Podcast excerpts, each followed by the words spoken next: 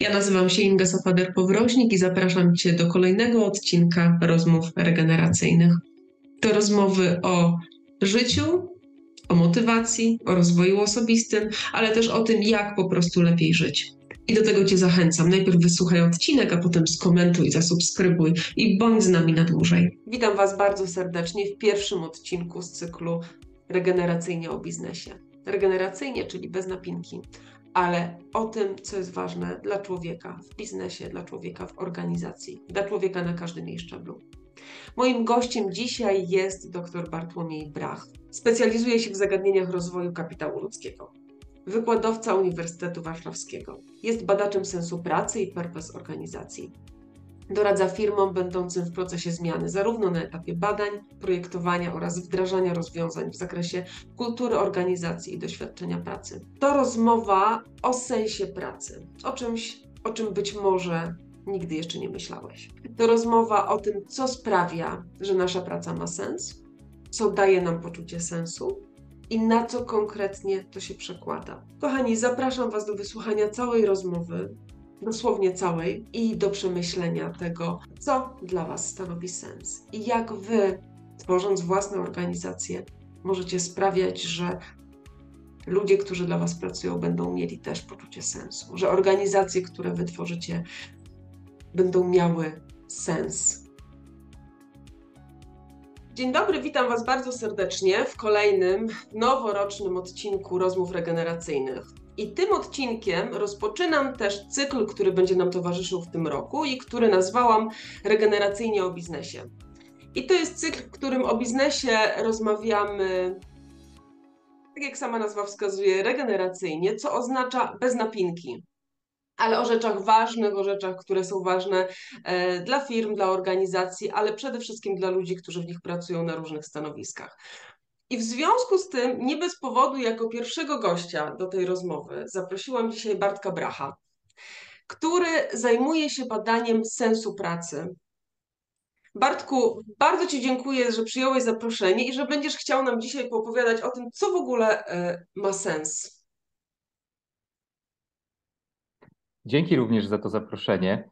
Mam nadzieję, że nie będę musiał opowiadać o tym, co ma sens, bo to jest bardziej domena filozofów albo być może czasami teologów, którzy się takimi pojęciami zajmują. Czasami też polityków i to jest bardzo niedobry moment, jak politycy zaczynają nam opowiadać o tym, co ma sens.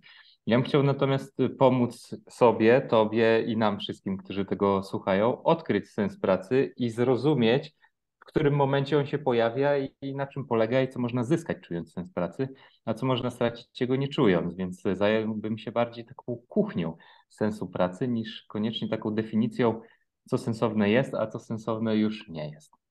No właśnie, bo sens pracy mm, to jest takie coś, co jest postrzegane jako takie bardzo ulotne, miękkie, coś, co, mm, co trudno się chyba bada. Jak się bada sens pracy?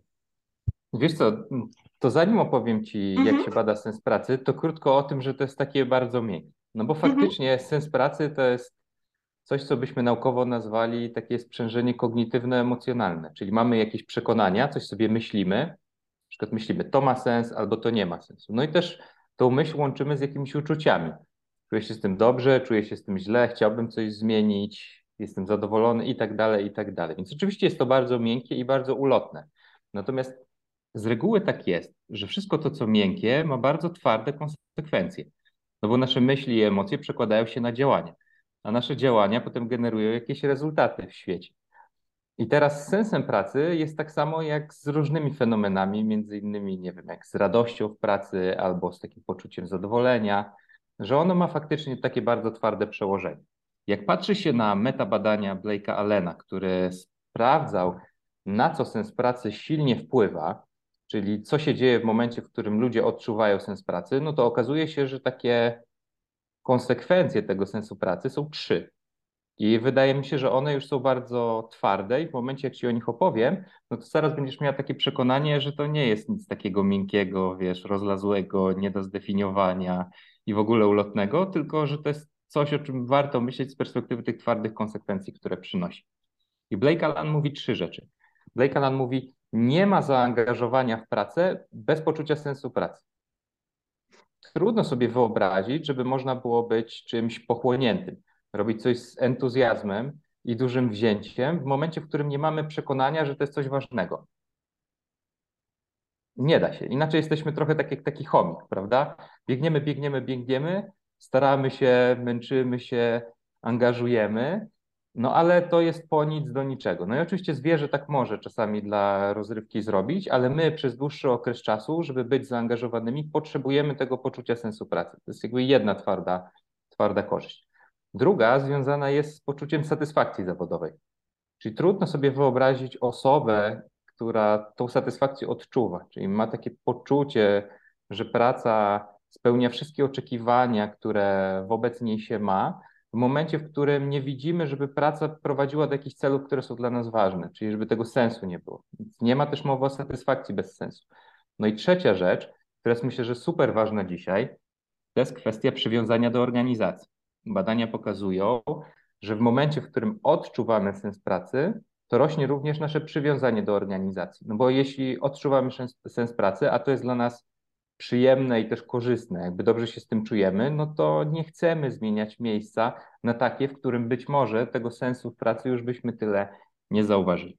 A jak to jest ważne w epoce quiet quitting, w epoce takiego zdystansowania wobec pracy, albo w epoce takiego traktowania pracy jako takiego krótkiego epizodu projektowego, prawda, zatrudniania się gdzieś na rok albo albo do końca, mm, do końca projektu, no to to przywiązanie do organizacji jest bezcenne. Więc oczywiście można myśleć o sensie pracy, a taka myśl, taka emocja raz się pojawia, raz jej nie ma, ale ja bym zachęcał do tego, żeby myśleć przez powiązania sensu pracy z tym, co jest dla nas ważne i co już twarde jest. Z zaangażowaniem, z satysfakcją i z przywiązaniem do organizacji. Czyli tak naprawdę wszystkie te czynniki i elementy, na których pracodawcom najbardziej zależy. E, szczególnie ten pierwszy i trzeci, prawda? Czyli zaangażowanie, bo wszyscy chcą, żeby pracownicy byli zaangażowani i przywiązanie do organizacji, no bo nikt nie chce dużej rotacji.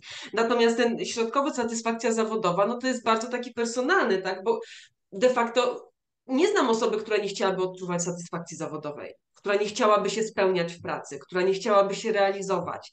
No może ja tylko takich ludzi znam, ale, ale wydaje mi się, że to jest coś, co jest bardzo ważne dla człowieka. Może są tacy, którzy lubią się umartwiać, wiesz, nie bez powodu mieliśmy w średniowieczu różnego rodzaju męczenników, które całe swoje życie sprowadzali do cierpienia, ale oczywiście... Ale to był ich sens. ale to był ich sens. Ale oni w tym faktycznie widzieli sens. No ale prawda jest taka, że faktycznie dążymy do, do przyjemności, jesteśmy takimi stworzeniami, którzy szukają przyjemności, więc ta satysfakcja zawodowa też jest takim obszarem, w której um, tego rodzaju zaspokojenia szukamy. Oczywiście ono nie jest łatwe, ale go staramy się szukać. No i teraz powiedziałaś coś bardzo ważnego, myślę, o czym ja nie powiedziałem, to znaczy, że to też może być ważne dla pracodawców. No bo jak ja faktycznie rozmawiam z pracodawcami, to na początku jest takie poczucie albo zdziwienia, albo w ogóle jakiegoś takiego niedopasowania, bo dlaczego taką kategorię, którą owszem znają ze swojego życia, albo nie wiem, interesują się w kontekście psychologii, albo właśnie filozofii, czyli to poczucie sensu mamy wiązać z tym, że ludzie wykonują jakąś pracę. No ale w momencie, w którym właśnie ten sens połączymy z tymi kategoriami, które są ważne dla pracodawców, tak jak mówisz, na przykład w kontekście zaangażowania, które wiadomo, że w Polsce jest niskie, generalnie, tak co do zasady, jak patrzymy międzykrajowo, czy jak patrzymy na tą kwestię rotacji, która jest problematyczna, szczególnie w takich sektorach jak IT, no to nagle okazuje się, że to jest pojęcie, które może być nie tylko ważne, ale takie, które pracodawcy chcą wykorzystać w swojej pracy z pracownikami. No ale z drugiej strony teraz myślę sobie o takim paradoksie, bo z jednej strony mówisz, że w Polsce zaangażowanie jest niskie, natomiast mhm. z drugiej strony jakieś tam badania kiedyś widziałam, ja, ja nie jestem taka skrupulatna, ale które mówią o tym, że jesteśmy też narodem, w którym się najdłużej pracuje, czyli czas pracy też jest no, tam porównywalnie dłuższy niż w innych krajach być może, więc to co, tak, tak niezaangażowanie, tak po prostu jak te chomiki w kołowrotkach po prostu pracujemy, by wyrobić godziny? Wiesz co, nawet, y, nawet nie wiem, czy jak chomiki, no. Wiesz, zaangażowanie wiąże się bardziej z pewnym wigorem i pochłonięciem przede wszystkim, no i też oddaniem pracy. I jak sobie myślimy o wigorze, czyli o poziomie energii, jak myślimy sobie o pochłonięciu, czyli takim przekonaniu, że jesteśmy w jakimś zadaniu i nie dostrzegamy tego praktycznie, co się dzieje wokół nas, i takim poczuciu oddania, że to jest ważne, żebyśmy zrobili to, co mamy do, do zrobienia, to niekoniecznie te trzy wymiary zaangażowania łączą się w jakikolwiek sposób z wymiarem czasu. To znaczy, wiesz, mogę siedzieć długo w pracy, ale mogę pracować na niskiej energii, wiesz. jak to się mówi, coś tam klikać, wiesz, tu Tak. odpiszę na maila, tu pójdę, zrobię kawę, tu wrócę z kimś pogadam. To jest praca na niskim, e, na niskim wygorze.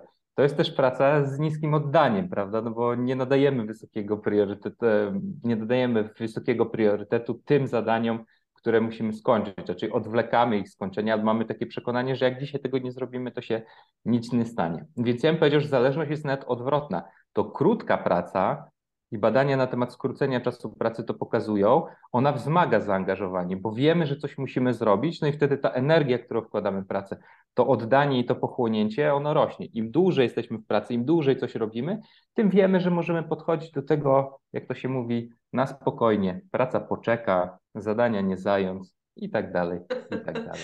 Czyli ten kierunek skracania e, czasu pracy, tygodniowego czasu pracy, tam do, do czterech dni w tygodniu, bądź też do sześciogodzinnego czasu pracy, to, to dobry kierunek, by, tak, by, tak rozumiem.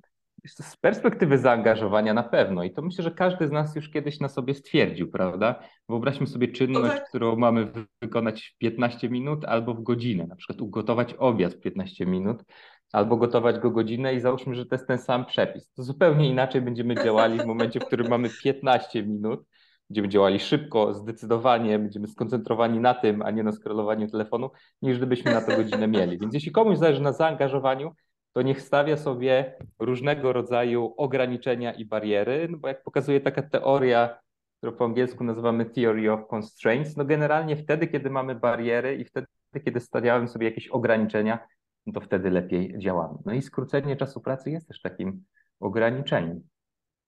No ja tego doświadczałam często przez całe swoje życie, że uczyłam się do egzaminów w ostatniej chwili i zawsze wychodziło. Wtedy na pewno byłaś pochłonięta tym uczeniem. Oj, w pełni zaangażowana. E, ale Bartku, wróćmy do tych badań, bo, bo Mhm. chciałabym, żeby nam to nie umknęło. Czyli powiedziałeś o tym, że, że ten sens pracy przejawia się rzeczywiście przez konkretne już wyniki, tak? Czyli przez zaangażowanie, satysfakcję, przywiązanie do, e, do organizacji. E, Czyli rozumiem, że też badając sens pracy, badasz tak naprawdę coś innego. Co się bada, badając sens pracy? Wiesz co, wszystkie badania, które mm, no, są badaniami naukowymi, nie starają się do końca eksplorować pojedynczych fenomenów, czyli nie starają się przede wszystkim li tylko zrozumieć, czym ten sens pracy jest, tylko połączyć go z tymi właśnie zmiennymi, które mogą być dla nas istotne. A z punktu widzenia, tak jak mówiłaś, pracodawców, na przykład istotne jest to, żeby pracownik wykonywał swoje zadanie szybko, sumiennie, żeby wykonywał je dobrze, Pewnie. żeby chciał zostać w organizacji, żeby te inwestycje, które pracodawca w niego poczynił, to się zwracały w jakimś okresie czasu i tak dalej, i tak dalej. Więc zawsze łączymy jedno, e, jedno z drugim. Ja akurat najwięcej poświęcam czasu na zrozumienie tego, czym ten sens pracy jest, więc jest to tyle paradoksalne, tak jak pewnie zaraz zauważysz, że zacząłem od tego łączenia, a ja się bardziej skupiam na samym pojęciu, bo mi się wydaje to najciekawsze, wiesz, bo to poczucie sensu to jest bardzo trudny temat do rozmowy, bo my go intuicyjnie z pracą nie łączymy. I jest bardzo dużo osób, które się zasłaniają bardzo szybko, kiedy ja im to pytanie o sens pracy zadaję, mówiąc: Nie, ja sensu pracy nie szukam. Praca to jest dla mnie takie miejsce, gdzie przychodzę, zarabiam. Chodzi o to, żeby zmaksymalizować pewne korzyści, na których mi zależy. Na przykład chcę szybko zrobić karierę, szybko dojść do takiego poziomu, żeby osiągnąć wysokie zarobki, nie wiem, otrzymać jakieś inne gratyfikacje od organizacji, jak na przykład udziały na akcje, jak to się bardzo często dzieje w startupie, szybko odejść na emeryturę i mieć z głowy i zajmować się innymi rzeczami, bo mnie praca tak co do zasady to nie interesuje. I dużo jest takich osób, które bardzo szybko starają się od tego dystansować, że praca nie jest ważnym, ważną sferą ich życia, chociaż spędzają tam dużo czasu. Ale zachodzi pewna magia. I magia to jest oczywiście może dziwne słowo w e, ustach naukowca. Ja lubię. Jednak, właśnie, ale jednak jest to dziwne, bo, bo, bo jednak nauka kojarzy nam się z jakimś racjonalnym, wy- z racjonalnym wytłumaczaniem pewnych zjawisk. No ale zachodzi taka magia, że im dłużej rozmawiamy o tym sensie z taką rozmową, tym bardziej okazuje się, że za tym wszystkim, co było tą początkową barierą, tym dystansowaniem się, czyli za tym przekonaniem na przykład, że w pracy chodzi tylko o pieniądze, jednak kryją się jakieś takie motywacje tożsamościowe, które dla sensu pracy kluczowe są. I okazuje się, że na przykład komuś zależy na tym, żeby być dobrym ojcem i właśnie to wszystko, co robi w pracy, czyli zdobywanie pieniędzy, ta chęć szybkiego wycofania się z rynku pracy, jest po to, żeby tą rolę móc świetnie spełniać. I paradoksalnie okazuje się na końcu tej rozmowy, że ta osoba właśnie w tym widzi sens swojej pracy, żeby wykonywać ją tak, żeby możliwie szybko i możliwie dobrze móc być w tej swojej roli pozazawodowej. I to jest taki paradoks, że bardzo często odżegnujemy się od myślenia o sensu, ale tak naprawdę ono jest gdzieś w nas głęboko, tylko musimy trochę poszperać. I ja takim szperaniem jako naukowiec się zajmuję, bo najczęściej faktycznie prowadzę takie rozmowy, może nie takie jak z tobą, no bo my tutaj jednak mamy taką pełną konwersację. Ja często staram się po prostu słuchać tego, jak ludzie o tym sensie pracy rozmawiają i starać się do niego dokopać, żeby zobaczyć, po co ta praca ludziom jest i dlaczego może być dla nich ważna. Ważna tak na takim poziomie tożsamościowym, a nie na tym, że ktoś ileś zarabia, albo ktoś ma jakąś rolę w firmie, albo ktoś się czegoś uczy, albo ktoś z kim pracuje i tak dalej, i tak dalej. To do czego się dokopujesz? Wiesz co, no, e, takim według mnie najważniejszym znaleziskiem, a może to są dwa znaleziska. Pierwsza rzecz jest taka, że w naukach o zarządzaniu, mm, bo ja się zajmuję zarządzaniem przede wszystkim, bardzo często e, do tej pory o sensie pracy mówiło się tylko z perspektywy tych zadań, które pracownik wykonuje z pracy. Tak jakby życie nie istniało w ogóle poza, poza pracą i to pojęcie sensu z tym życiem nie miało nic wspólnego. Mówiło się, że praca jest sensowna na przykład w momencie, w którym wykonujemy różnorodne zadania. Czyli wiesz, nie jesteś tak jak przy taśmie, gdzie tam dokręcasz tą przysłowiową jedną śrubkę, albo nie jesteś tą analityczką w Excelu, która wiesz, e, robi tylko jeden arkusz i cały czas pewne powtarzalne zadania. Tylko, że zadania ci się zmieniają. Mówiono też, że sens pracy pojawia się wtedy, kiedy zadania mają, są pewnym wyzwaniem dla nas, takim, że musimy coś przemyśleć, że one nie są takie oczywiste, mają pewną złożoność. Więc szukano tego sensu przede wszystkim w tym, czym my się zajmujemy. Natomiast moje badania pokazują, że ten sens, on tak naprawdę wiąże się z tym, kim my jesteśmy poza pracą, albo jacy chcielibyśmy się stać dzięki pracy. Czyli, że nie można abstrahować od tego, kim jesteśmy poza pracą i czego od życia oczekujemy poza pracą, żeby zrozumieć jej sens. Tak jak trochę w przykładzie, który Ci przed chwilą podałem. Sens pracy dla tej osoby było stawanie się dobrym ojcem.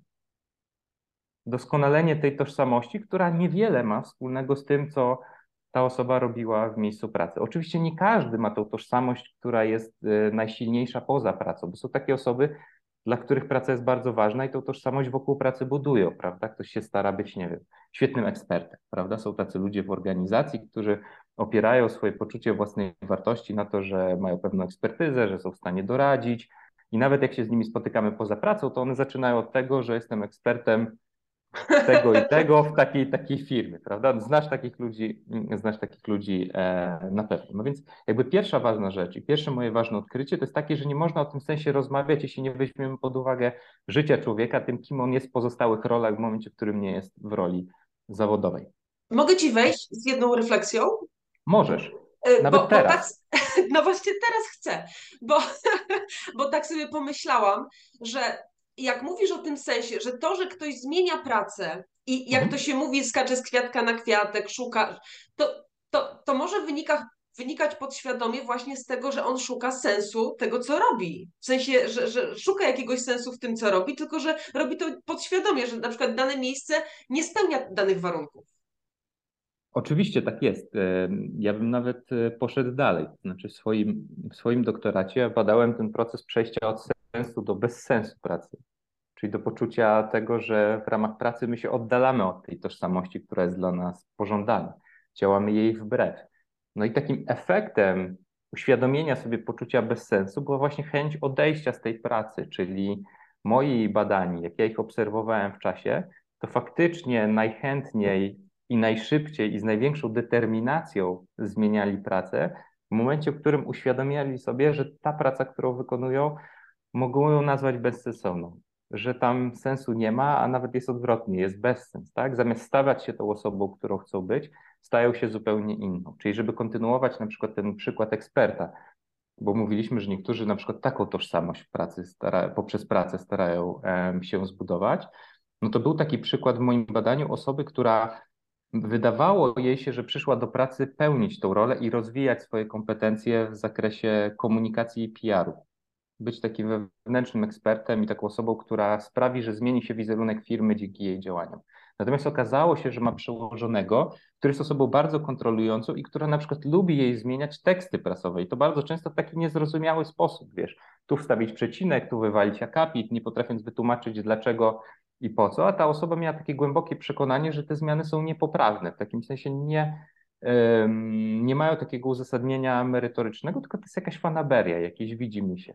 I po krótkim czasie ta osoba sobie właśnie uświadomiła, że ona się od tej tożsamości, którą chciała nabyć, oddala. Zamiast stawać się ekspertem, który jest szanowany i którego zdanie, z którego zdaniem się człowiek liczy w organizacji, stawała się tak naprawdę tylko wykonawcą jakichś ruchów nie do końca zrozumiałych i uzasadnionych, które oczekuje jej szef. Stała się takim przedłużeniem ręki szefa. A przecież byciu ekspertem nie o to chodzi, żeby być od kogoś zależnym, tylko właśnie o tą niezależność myślenia, poglądów, wiedzy.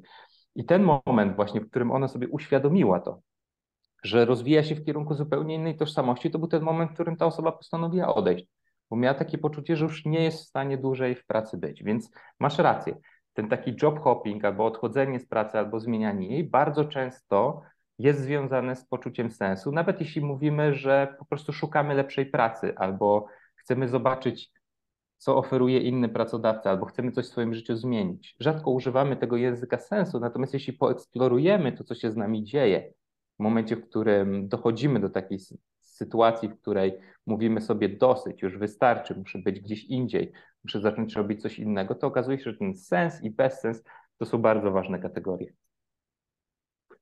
No właśnie, i często tak jest, że y, o tym sensie w ogóle nie mówimy i nie myślimy, no bo to wracając do początku, no to jest takie miękkie, nie? Że nie tak samo jak, jak y, często mówi się o szczęściu w pracy, co myślę, że bardzo mocno jest powiązane z sensem pracy, natomiast tak jak ty mówisz o, o sensie pracy i o badaniach i o przekładaniu tego na, na twarde dane, e, twarde, o ile można to tak bardzo twardymi danymi nazwać, no ale jakieś liczby, które pokazują, na co to się przekłada później w zachowaniach bo to, bo to do tego się sprowadza, bo te zachowania prowadzą do efektywności bądź nieefektywności, do, do, do budowania relacji bądź niebudowania relacji, do, mm, do takich zachowań, które sprawiają, że biznes się rozwija albo nie.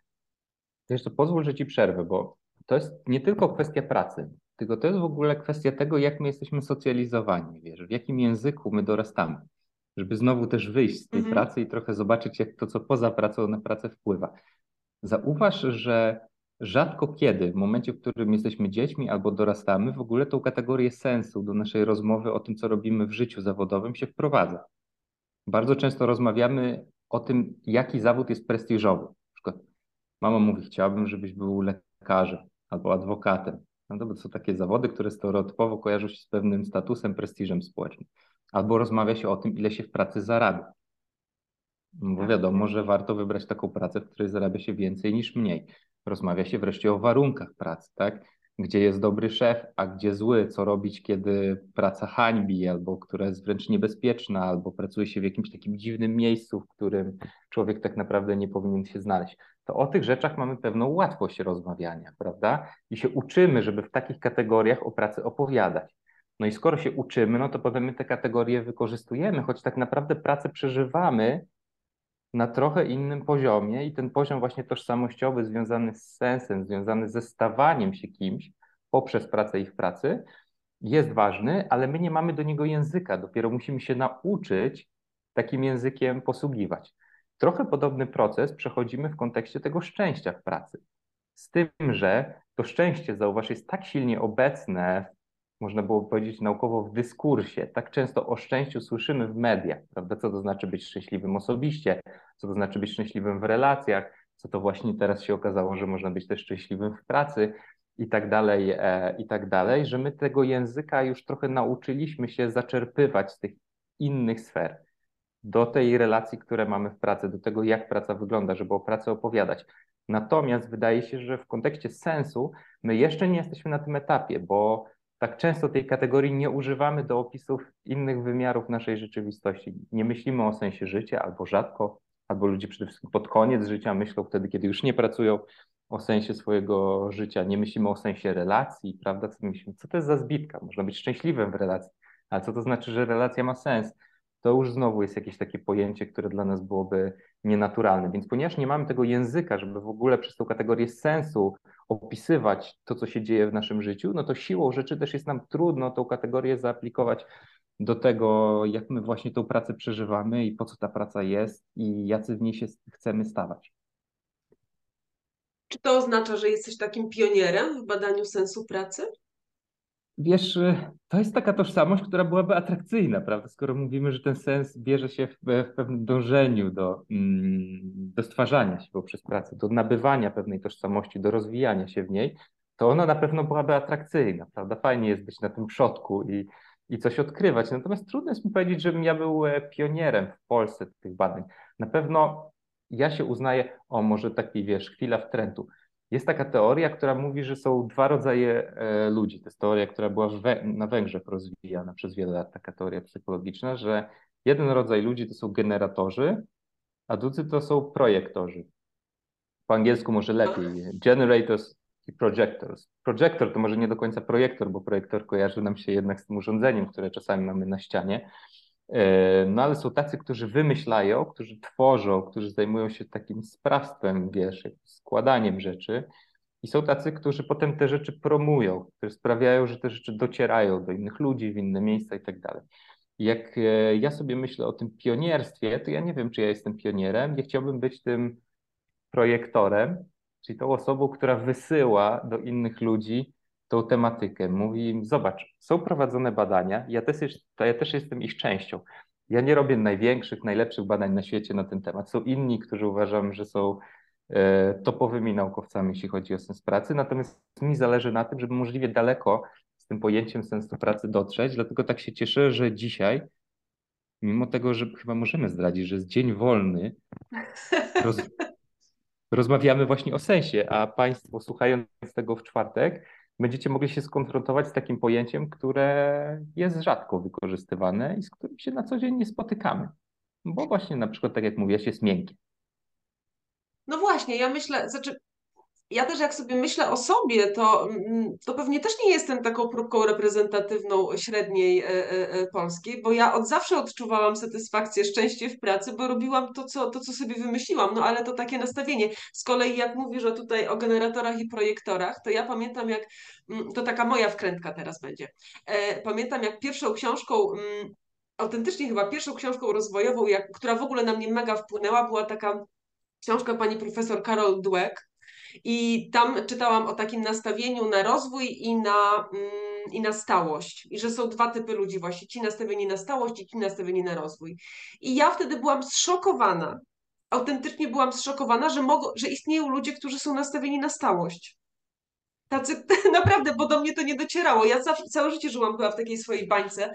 E, teraz też w jakiejś tam e, jestem. Natomiast mm, to mi uświadomiło, że to rzeczywiście no, każdy inaczej trochę odczuwa.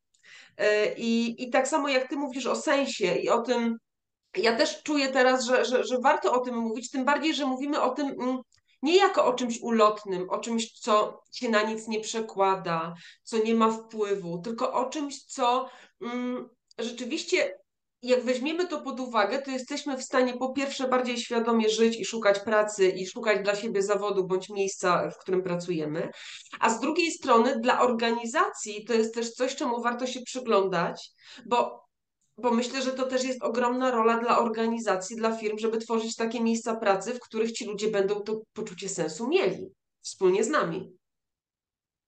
Jak to wygląda od strony właśnie biznesu? biznesu? Zmienia się coś?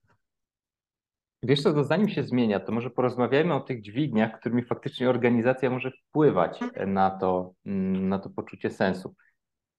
Teraz muszę troszeczkę inaczej e, o tym zacząć opowiadać. To znaczy, muszę teraz się przenieść na tą drugą stronę równania, bo rozmawialiśmy o tych konsekwencjach na początku, czyli na co mhm. sens pracy się przekłada, a teraz pytanie, jakie są sprzyjające warunki, żeby ten sens pracy uzyskać. No ja, badam, ja, ja badam w ramach takiej teorii, która nazywa się teorią autodeterminacji. Ty pewnie znasz taką teorię i Państwo pewnie znają, ale krótko przypomnę. Teoria autodeterminacji to jest taka, która mówi, że ludzie zasadniczo mają takie trzy bardzo podstawowe potrzeby. To jest potrzeba kompetencji, autonomii i przynależności. Kompetencji, czyli wykorzystywania tych umiejętności, które się ma i nabywania nowych, autonomii, czyli takiego poczucia samostanowienia, e, wolności. Oczywiście nie każdy jest taką osobą, która e, musi mieć tą wolność taką pełną, prawda, zupełnej niezależności od innych ludzi, ale takiego poczucia, że jest się osobą samosterowną, że samemu się podejmuje przynajmniej w jakimś obszarze życia decyzje na swój temat. No i to potrzeba trzecia to jest potrzeba, potrzeba przynależności, czyli takiego poczucia, że można wchodzić w relacje, które są ważne, tak? Czyli że jesteśmy blisko osób, które dla nas są ważne i z powrotem te osoby też dla nas ważne, mm, ważne są. Czyli są takie trzy potrzeby, które są motywatorami ludzkiego działania i oczywiście różni ludzie mają różnie akcent rozłożony na te potrzeby. Są tacy, którzy są bardziej zmotywowani relacjami, są tacy, którzy są bardziej zmotywowani tym, tą potrzebą kompetencji, jakby rozwijaniem swoich umiejętności, a są tacy, którzy są nastawieni bardzo silnie na autonomię. No i teraz po co ja o tym mówię? Mówię o, tym dlatego, że w momencie, w którym zaspokajamy te potrzeby pracownika w tych trzech wymiarach, jakkolwiek on by nie miał ich skonfigurowanych, gdzie miałby dużo, a gdzie miałby mało, no to rośnie prawdopodobieństwo, że ten pracownik będzie sens pracy odczuwał. No bo zauważ, że te tożsamości, one bardzo silnie się z tymi potrzebami wiążą. Gdybyśmy wrócili do tej tożsamości na przykład szanowanego eksperta, no to wiadomo, że w tym ekspercie takimi najważniejszymi potrzebami jest co? Jest zaspokojenie tej potrzeby kompetencji, no bo ekspert musi mieć poczucie, że wykorzystuje to, co jest dla niego e, ważne, tą wiedzę, którą nabył, to doświadczenie, które udało mu się zdobyć, ale też, że rozwija się w tym obszarze, który jest dla niego ważny, a z drugiej strony musi mieć zabezpieczoną to potrzebę autonomii. No bo ekspert jest, tak jak mówiłem, z reguły osobą niezależną, prawda? Takim głosem w pewnym sensie doradczym, taką osobą, do której można się zwrócić, natomiast od której nie zawsze wszystko zależy, tak? Która jest trochę taką osobą z boku, po to, żeby ona mogła się skoncentrować na tym gromadzeniu, gromadzeniu wiedzy. No i teraz oczywiście organizacja może mieć wpływ na to, na ile taki ekspert może te kompetencje rozwijać, albo na ile autonomiczną jednostką w ramach pracy może być. I tak jak pokazywałem w tym przykładzie, w tej historii tej osoby, która chciała być tym szanowanym ekspertem, ale skończyła jako przedłużenie ręki prezesa, no to okazało się, że ta osoba nie miała zaspokojonej ani tej potrzeby kompetencji, ani tej potrzeby autonomii, bo trudno, żeby miała zaspokojoną potrzebę kompetencji w momencie, w którym nie mogła tych swoich umiejętności i doświadczeń wykorzystywać, tylko musiała przepisywać te ogłoszenia prasowe w myśl akurat danego widzi się prezesa. Z drugiej strony nie mogła myśleć o sobie jako autonomicznej jednostce w momencie, w której tak naprawdę wszystko zależało od tego, co ta osoba, która jest wobec niej osobą zwierzchnią, powie. Dlatego jak popatrzymy z perspektywy tych trzech potrzeb, no to widzimy już to pole, na które organizacja może oddziaływać. I to organizacja zarówno rozumiana jako bezpośredni przełożony menadżer, jak zespół, jak i cała organizacja, która projektuje jakieś polityki e, i rozwiązania, na przykład, na przykład HR-owe. Więc e, oczywiście nie ma takiego jasnego przełożenia, że w jakichś organizacjach jest więcej sensu, a w jakichś mniej, bo to nie o to chodzi, ale każda organizacja może wpływać na zaspokojenie tych potrzeb pracownika i jeśli będzie to robiła, to z dużym prawdopodobieństwem to się przełoży właśnie na to poczucie sensu, jakkolwiek by pracownik jego nie definiował. No właśnie, i to jest takie proste, ale też y, trudne zarazem, bo, bo to wymaga dużego zaufania do pracownika. Tak jak mówisz o tym modelu eksperckim, y, no to rzeczywiście ta osoba wymaga też tego, żeby być słuchaną, żeby móc podejmować decyzje. No tutaj już przechodzimy na schematy zarządzania. Wiesz, ja bym e... powiedział więcej nawet, że to jest jeszcze trudniejsze, bo to też wymaga zadania pytania pracownikowi, kim ty chcesz być, a nie co chcesz robić. Tak jak zauważ, Często myślimy o menadżerze jako o takiej osobie, która ma rozdysponować zadania, ma sprawić, żeby te zadania były możliwe do wykonania, żeby były zasoby do wykonania tych zadań, żeby one były jasno określone, żeby praca, jak to się mówi kolokwialnie, szła i szła w takim kierunku, jaki organizacja zakłada. No i w ramach e, takiego myślenia o tym, kim my jesteśmy, na przykład jako przełożeni, no to bardzo łatwo przychodzi nam zadanie pytania o to, jak ci się pracuje. Czy masz wszystko, czy masz czas, czy jesteś zmotywowany, czy niezmotywowany, czy czegoś ode mnie potrzebujesz jako od menadżera, nie wiem, mam ci wyjaśnić jakie cele, albo mam ci coś zdobyć w organizacji, co jest ci potrzebne. I to myślenie jest dosyć naturalne. Natomiast jeśli miałabyś jako menadżerka zadać pytanie, kim ty chcesz być do mnie, jako do pracownika, to to jest takie pytanie, które trudno przechodzi przez usta. No bo to nie jest takie pytanie z porządku pracy, prawda? Kim ty chcesz być? I nawet nie chodzi o to, jakie ty stanowisko chcesz w firmie zajmować w tym pytaniu, prawda? To nie o to chodzi, czy chcesz mnie zastąpić za dwa lata, albo czy tam sobie wyobrażasz karierę w zupełnie innym dziale, jak tylko się pojawi możliwość takiego transferu wewnętrznego. To jest pytanie o to właśnie, co jest ważne dla ciebie tożsamościowo, prawda?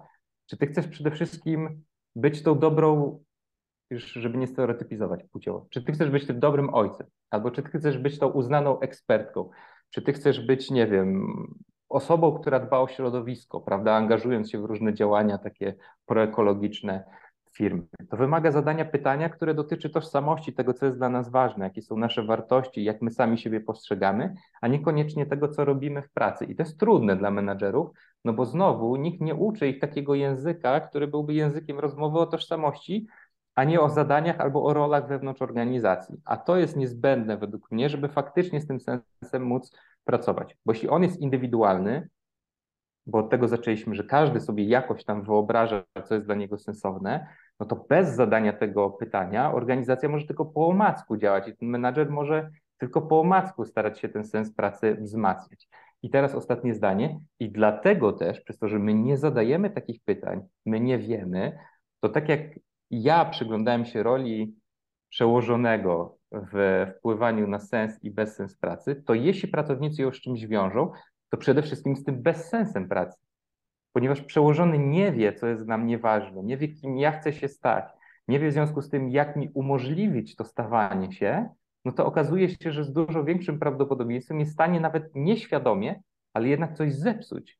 Coś, co sprawia, że ja przestaję myśleć o pracy w kategoriach tego, kim ja mogę się stać, jakie cele życiowe zrealizować, a bardziej jest tak, że zaczyna się taka walka o przetrwanie w organizacji, bo widzę, że to, co jest dla mnie ważne, nie jest możliwe do zrealizowania w tym układzie. Więc niestety menadżerowie mają trudno, bo muszą się nauczyć tego nowego języka, nie pytać o to, jak mogę ci pomóc, ale kim chcesz się stać, i dopóki się tego nie nauczą, dopóki nie zbudują takiej relacji też, w której można to w ogóle pytanie zadać, bo to jest zupełnie jeszcze jednak inna kwestia. Dopóki się nie nauczą tego pytania zadawać, to będą działali po omacku, a jak będą działali po omacku, no to moje badania pokazują, że przede wszystkim będą dla pracowników źródłem bez sensu niż taką jednostką, która wpływa na to poczucie sensu. Oczywiście generalizując, znajdą się tacy, którym się akurat uda na ten sens pracy pozytywnie oddziaływać, ale co do zasady, raczej będzie tak, że raczej w bezsens nas ci przełożeni będą prowadzić niż w kierunku sensu. Ale widzisz, to ja widzę tutaj teraz taką. Znaczy, to, co powiedziałeś, dla mnie jest bardzo mocne, dlatego że samo to pytanie, kim ty chcesz się stać, jest pytanie, albo kim jesteś, jest mega trudnym pytaniem.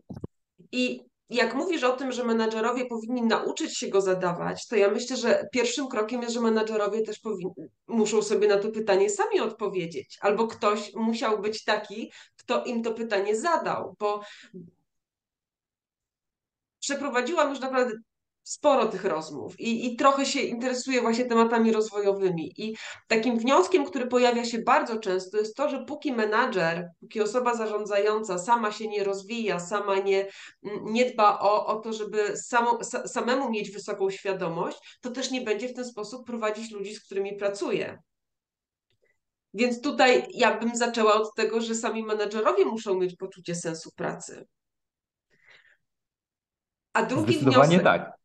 A drugi tak. wniosek, który, który tak e, mi przyszedł do głowy bardzo e, mocno, to to, że myślę, że żyjemy w czasach, mm, i to jest moje, kiedy musimy przestać oddzielać pracę od życia prywatnego. W sensie to, co, to, co mówimy o work-life balansie, i wtedy często, często się mówi, że tak trzeba oddzielać, tak? A, a właśnie ja myślę, że to trzeba połączyć, bo te wszystkie sfery się łączą i o ile pytanie, kim jesteś, kim chcesz się stać, jest połączone, bo to nie jest oddzielone. Takie oddzielenie też, że, że nasza tożsamość jest związana tylko i wyłącznie z naszą pracą, też nie jest dobre, bo, bo stracimy tą pracę i co, stajemy się nikim? No nie. Więc, więc ja się bardzo cieszę, że rozmawiamy dzisiaj o sensie pracy, bo, bo ten sens przecież przejawia się w sercu i w życiu każdego człowieka, niezależnie od tego, co robi. I można sens znaleźć w zamiataniu ulic. Słuchaj, we wszystkim, nawet w byciu maklerem giełdowym podobno tak. można, można znaleźć. Chociaż nie wiem, nie, nie wiem, jaki jest z tej pracy. Nie, ale już e, nie żartując sobie z maklerów giełdowych. Wiesz co, to jest bardzo ważne, co, mm, co powiedziałaś i wydaje mi się, że to się wpisuje w taki szerszy trend dotyczący myślenia o tym, kim przełożeni, kim menadżerowie są i co to znaczy oddziaływać potem na pracowników. No bo zauważ, że ta zależność, którą zauważyłaś, czyli że menadżer musi być samoświadomy, mieć takie przekonanie, że on sam wie, kim chce się poprzez tą rolę stawać, albo kim już w tym momencie jest, jest kluczowe dlatego, żeby z pracownikiem móc o tym e, rozmawiać, no to tą zależność też widzimy w innych wymiarach. Na przykład mówi się, menadżer powinien sprawiać, żeby pracownik się nie wypalał, albo żeby pomóc mu z takiego wypalenia zawodowego wyjść. Oczywiście, ale to najpierw menadżer sam nie może być wypalony, albo sam musi sobie umieć radzić z takimi objawami, które sprawiają, że w pewnym momencie to wypalenie zawodowe się pojawia. I takich przykładów można byłoby generować wiele. I myślę, że masz bardzo dużą rację w tym, e, że zauważasz właśnie to, że jasne, że ta relacja, na którą ja wskazuję, że to pytanie i w ogóle to myślenie w takich kategoriach stawania się i tożsamości, to jest coś, czego menadżer musi się nauczyć, ale najpierw musi się nauczyć tego w kontekście samego siebie. Można się tego nauczyć. Słuchaj, wczoraj wieczorem nawet mm, scrollowałem LinkedIna i wyświetlił mi się tam post chyba Roberta Łajewskiego, jeśli nie przeinaczyłem jego nazwiska. I on napisał taką fajną rzecz. On napisał w tym poście, że nie bez powodu ma w nazwisku Y, że to nazwisko zaczyna się od Y. Oczywiście po polsku jest to LAJ, po angielsku e, Y tak jak e, WHY. I on mówi, że dla niego właśnie kluczowe jest to zadawanie pytania po co i dlaczego. I że on jest taką osobą, która chce innych konfrontować z tym pytaniem. Właśnie mówił o swojej tożsamości w kontekście bycia menadżerem w taki sposób i wiążąc ją tak bardzo blisko ze sobą, prawda? No bo cóż bliższego jest nam niż, niż nasze nazwisko, nawet jeśli arbitra, arbitralnie nam kiedyś zostało, zostało na, nadane. Więc masz rację, że ta praca z tym sensem pracy, ona jest konieczna też najpierw u menadżera i postawienia sobie pytania właśnie, kim chce być. No, Robert Łajewski, przywoływany przeze mnie, w tym why znalazł swoją tożsamość. Pozdrawiamy, pozdrawiamy pana Roberta, bo faktycznie ten wpis był bardzo, bardzo ciekawy i taki wiele mówiący w kontekście stawania się, kim chce być. No chcę być tą osobą, która to pytanie why stawia innym, która prowokuje ich do tego, żeby oni sobie na nie odpowiedzieli. I to jest jakaś tożsamość, prawda? Można sobie wyobrazić tysiące innych, ale jak już my ją poznamy, będziemy mieli takie przeświadczenie, że ona jest dla nas ważna, to wtedy możemy zadawać to pytanie innym, właśnie czym albo kim w zasadzie chcesz się stać, albo kim jesteś już w tym e, momencie, w związku z tym, co jest dla ciebie ważne. No powiem Ci, że wątków w tej rozmowie poruszyliśmy e, kilkanaście. Ja nawet nie będę głębiej wchodziła, bo tu musielibyśmy za dwie godziny rozmawiać. Natomiast e, ja już dziś zapraszam wszystkich, którzy nas słuchają, oglądają, do śledzenia Twojego, e, bo wspomniałeś o LinkedInie, do śledzenia Twojego profilu na LinkedInie, bo ja jestem zachwycona i zauroczona Twoimi treściami, które, które piszesz, które są bardzo inspirujące, ale też pokazujące na liczbach, na faktach to, co może wpływać na sens pracy.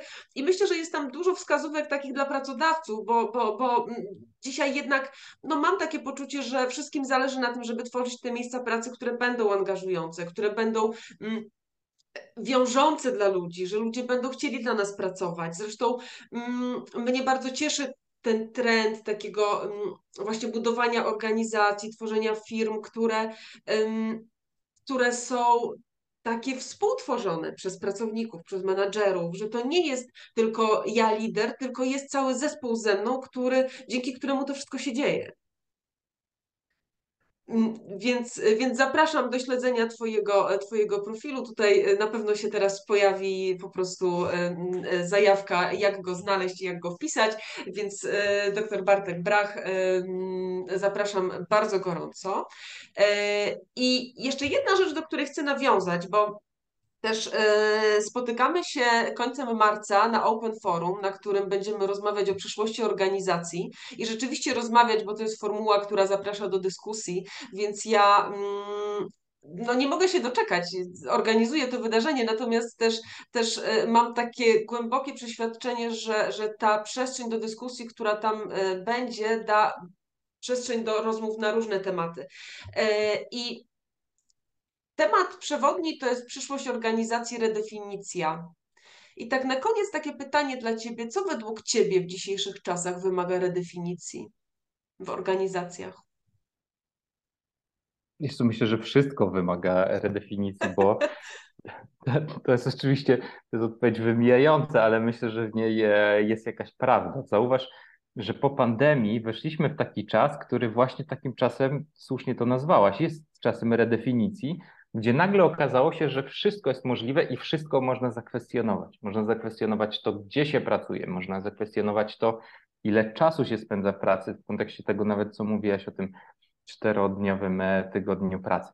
Można zakwestionować to, po co praca jest, prawda? I tu cała rozmowa o sensie jak najbardziej się w to wpisuje. Więc wydaje mi się, że nawet nie ma takiego wymiaru, w którym jesteśmy w stanie myśleć o pracy, czy takim indywidualnym, po co praca jest dla mnie, zespołowym, jak budować zespoły, żeby były efektywne, ale też jakie organizacje w ogóle tworzyć, jaka jest rola organizacji e, w społeczeństwie, jaką funkcję organizacje, oprócz tego, że wytwarzają coś albo pozwalają nam zarabiać pełnią, to wszystko są pytania, które nagle okazały się pytaniami, które można sobie zadać. Bo zauważ, że przed pandemią oczywiście były takie rubieże społeczne, na których ktoś te pytania stawiał, ale one rzadko nikt nie zwracał na nie uwagi. Przenikały do mainstreamu i mam wrażenie, że w tym momencie jesteśmy dokładnie w takim punkcie czasu, kiedy każde pytanie jest możliwe. Więc myślę, że jeśli mamy coś przemyśleć, to powinniśmy przemyśleć dokładnie wszystko, bo takie momenty rozmrożenia, kiedy zadawanie takich fundamentalnych pytań o to, czym jest praca, jaka praca powinna być i czemu powinna służyć, jest możliwa, takich momentów jest bardzo mało. Są takie teorie wiesz, społeczne, jak wygląda zmiana społeczna, takie najprostsze, nie do końca trafne, ale bym powiedział, że metaforycznie przynajmniej atrakcyjne. To są takie teorie, które pokazują, że są takie okresy zamrożenia, kiedy jest jakaś konwencja, której się trzymamy, kiedy mamy te fundamentalne pytania już przepracowane, kiedy znamy na nie odpowiedzi i są takie momenty rozmrażania, kiedy nagle okazuje się, że wszystko jest do wygrania, ale też wszystko jest do stracenia i tak naprawdę od nas zależy, które pytania postawimy i na które odpowiemy. Myślę, że teraz jest taki czas, żeby zadać jak najwięcej pytań. Więc jeśli coś jest do zredefiniowania, to myślę, że do zredefiniowania jest wszystko, co uda nam się zredefiniować. Czy na przykład skrócimy czas pracy, czy okaże się, że taka praca w organizacjach rozproszonych, gdzie różni ludzie są rozsiani po całym świecie i wykonują tylko konkretne zadania, jest czymś, co jest przyszłością pracy? Nie wiemy tego, natomiast to jest moment, żeby sobie te pytania zadawać. Jeśli go nie zadamy, to mówiąc kolokwialnie, za kilka lat będziemy sobie pluć w brodę, myśląc o tym, że ten czas na zadawanie pytań i na szukanie dla nich odpowiedzi bezpowrotnie minął, bo jakieś okazały się tymi domyślnymi i następnym razem zadamy sobie je dopiero przy kolejnej dużej zmianie społecznej. I myślę, że tym, co chciałabym dopowiedzieć do tego, to e, żeby zadać sobie pytania, poszukać odpowiedzi i dać sobie na to czas.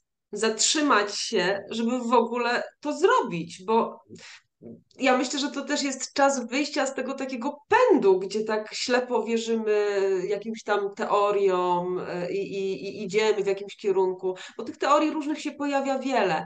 Mm, natomiast ja głęboko wierzę, że to jest czas właśnie dialogu i rozmów i kwestionowania i zadawania pytań i y, takiego krytycznego myślenia, y, którego ja osobiście się uczę, bo mnie wszystko z natury zachwyca. ale rzeczywiście ostatnio y, im więcej tych rzeczy mnie zachwyca, to sobie myślę, ok, ale co do mnie pasuje? I ja myślę, że mm, bym chciała, ja osobiście zachęcić też y, i słuchaczy do takiego patrzenia na te różne teorie, do szukania, do dyskutowania, do rozmów, mm, ale też do takiego zastanawiania się, co pasuje do mnie osobiście, co jest ze mną po drodze i w kontekście organizacji, co do naszej organizacji pasuje i co jest z nami po drodze to dla nas ma sens. No właśnie, co dla ma sens. I to y, jest w ogóle bardzo dobra klamra, no bo zauważ też, jak z tym sensem jest. Na co dzień nie zadajesz sobie tego pytania, prawda? Nie obudziłaś się dzisiaj rano i nie pomyślałaś sobie, muszę sobie odpowiedzieć na pytanie, co jest dla mnie sensem, nie wiem, mojego życia, mojej pracy, moich relacji albo tam czegokolwiek, czegokolwiek innego to pytanie pojawia się epizodycznie, tylko w niektórych momentach. I bardzo często są to właśnie momenty, które są momentami takiego zatrzymania, takiego nieczasu, właśnie wtedy, kiedy nie jesteśmy w będzie, wtedy, kiedy nie mamy różnych zadań na głowie, kiedy nie mamy czegoś do zrealizowania, czy jesteśmy w jakiejś perspektywie już wychylonej do przodu, tylko znajdujemy się w takim czasie pomiędzy. Coś już się skończyło, a coś nowego się jeszcze nie zaczęło. To są te momenty, w których e, to pytanie o sens sobie zadajemy, albo ten sens szczególnie silnie czujemy. Na przykład w momencie, w którym udaje nam się coś zrobić, kończymy jakiś projekt, albo kończymy jakiś etap życia. To jest wtedy taki moment, że sobie myślimy i do przodu, co z nami ma być, ale też patrzymy do tyłu, co z nami było, czy to jest dla nas, czy to jest dla nas ok. Więc ten moment zatrzymania, o którym ty mówisz, i to znalezienie czasu takiej przestrzeni jest super ważne i do zadawania tych pytań o redefinicję, ale też jest niezbędne do myślenia o, o sensie pracy. Więc myślę, że to jest najlepsza klamra, jaką możemy sobie wyobrazić w kontekście tej rozmowy. No to ja nic nie muszę mówić, dziękuję. dziękuję Ci Bartku za rozmowę. Ja Ci też dziękuję. Dla mnie bomba. E, nie pozostaje mi nic innego, jak tylko e, spotykać się nadal gdzieś w przestrzeniach e, LinkedInowo-internetowych, czekać na spotkanie na Open Forum i tutaj dla, dla wszystkich informacja z Bartkiem też spotkacie się na Open Forum dla tych osób, które będą chciały do nas dołączyć do dyskusji, do rozmów. Bartek będzie brał udział w panelu, w którym będziemy mówić o wolności, bardzo jestem ciekawa wniosków z tego panelu i tego, do jakich rozmów i dyskusji zainspiruje e, uczestników. Kochani, pięknego dnia e, i zadajcie sobie dzisiaj pytanie, co jest dla Was sensem. Albo co dla Was ma sens w Waszym życiu, w Waszej pracy. Dziękuję. Dzięki. Zapraszam Cię gorąco do udziału w Open Forum. Open Forum to wydarzenie dla liderów, przedsiębiorców i liderów HR oraz naukowców i ludzi, dla których ważne jest to, żeby wiedzieć, co dzieje się w dzisiejszym świecie. Temat przewodni, przyszłość organizacji, redefinicja.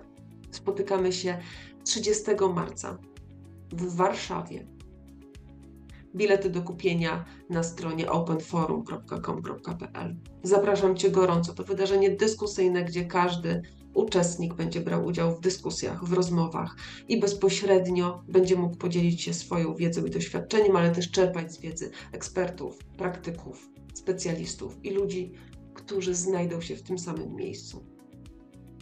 Przyszłość zaczyna się dziś i to dziś jest moment na to, żeby się zatrzymać, zadać sobie pytania, i poszukać na nie odpowiedzi, by tworzyć lepsze jutro. Zapraszam Cię gorąco. Dziękuję Ci za wysłuchanie kolejnej rozmowy regeneracyjnej. Mam nadzieję, że zainspirowała Cię ona do kolejnego działania, do zrobienia kroku ku lepszemu życiu. Zapraszam Cię również na stronę Parku Rozwojowego, gdzie znajdziesz pogłębione teksty, które podsumowują każdą z rozmów. Bierz dla siebie to, co najlepsze i to, co do Ciebie mówi. Pamiętaj, na drodze rozwoju osobistego każdy musi znaleźć swoją własną drogę. Najważniejsze, żeby się zatrzymać, poczuć, i móc iść dalej świadomie, radośnie i z miłością do siebie i do życia, czego Wam bardzo gorąco życzę. Rozmowy regeneracyjne.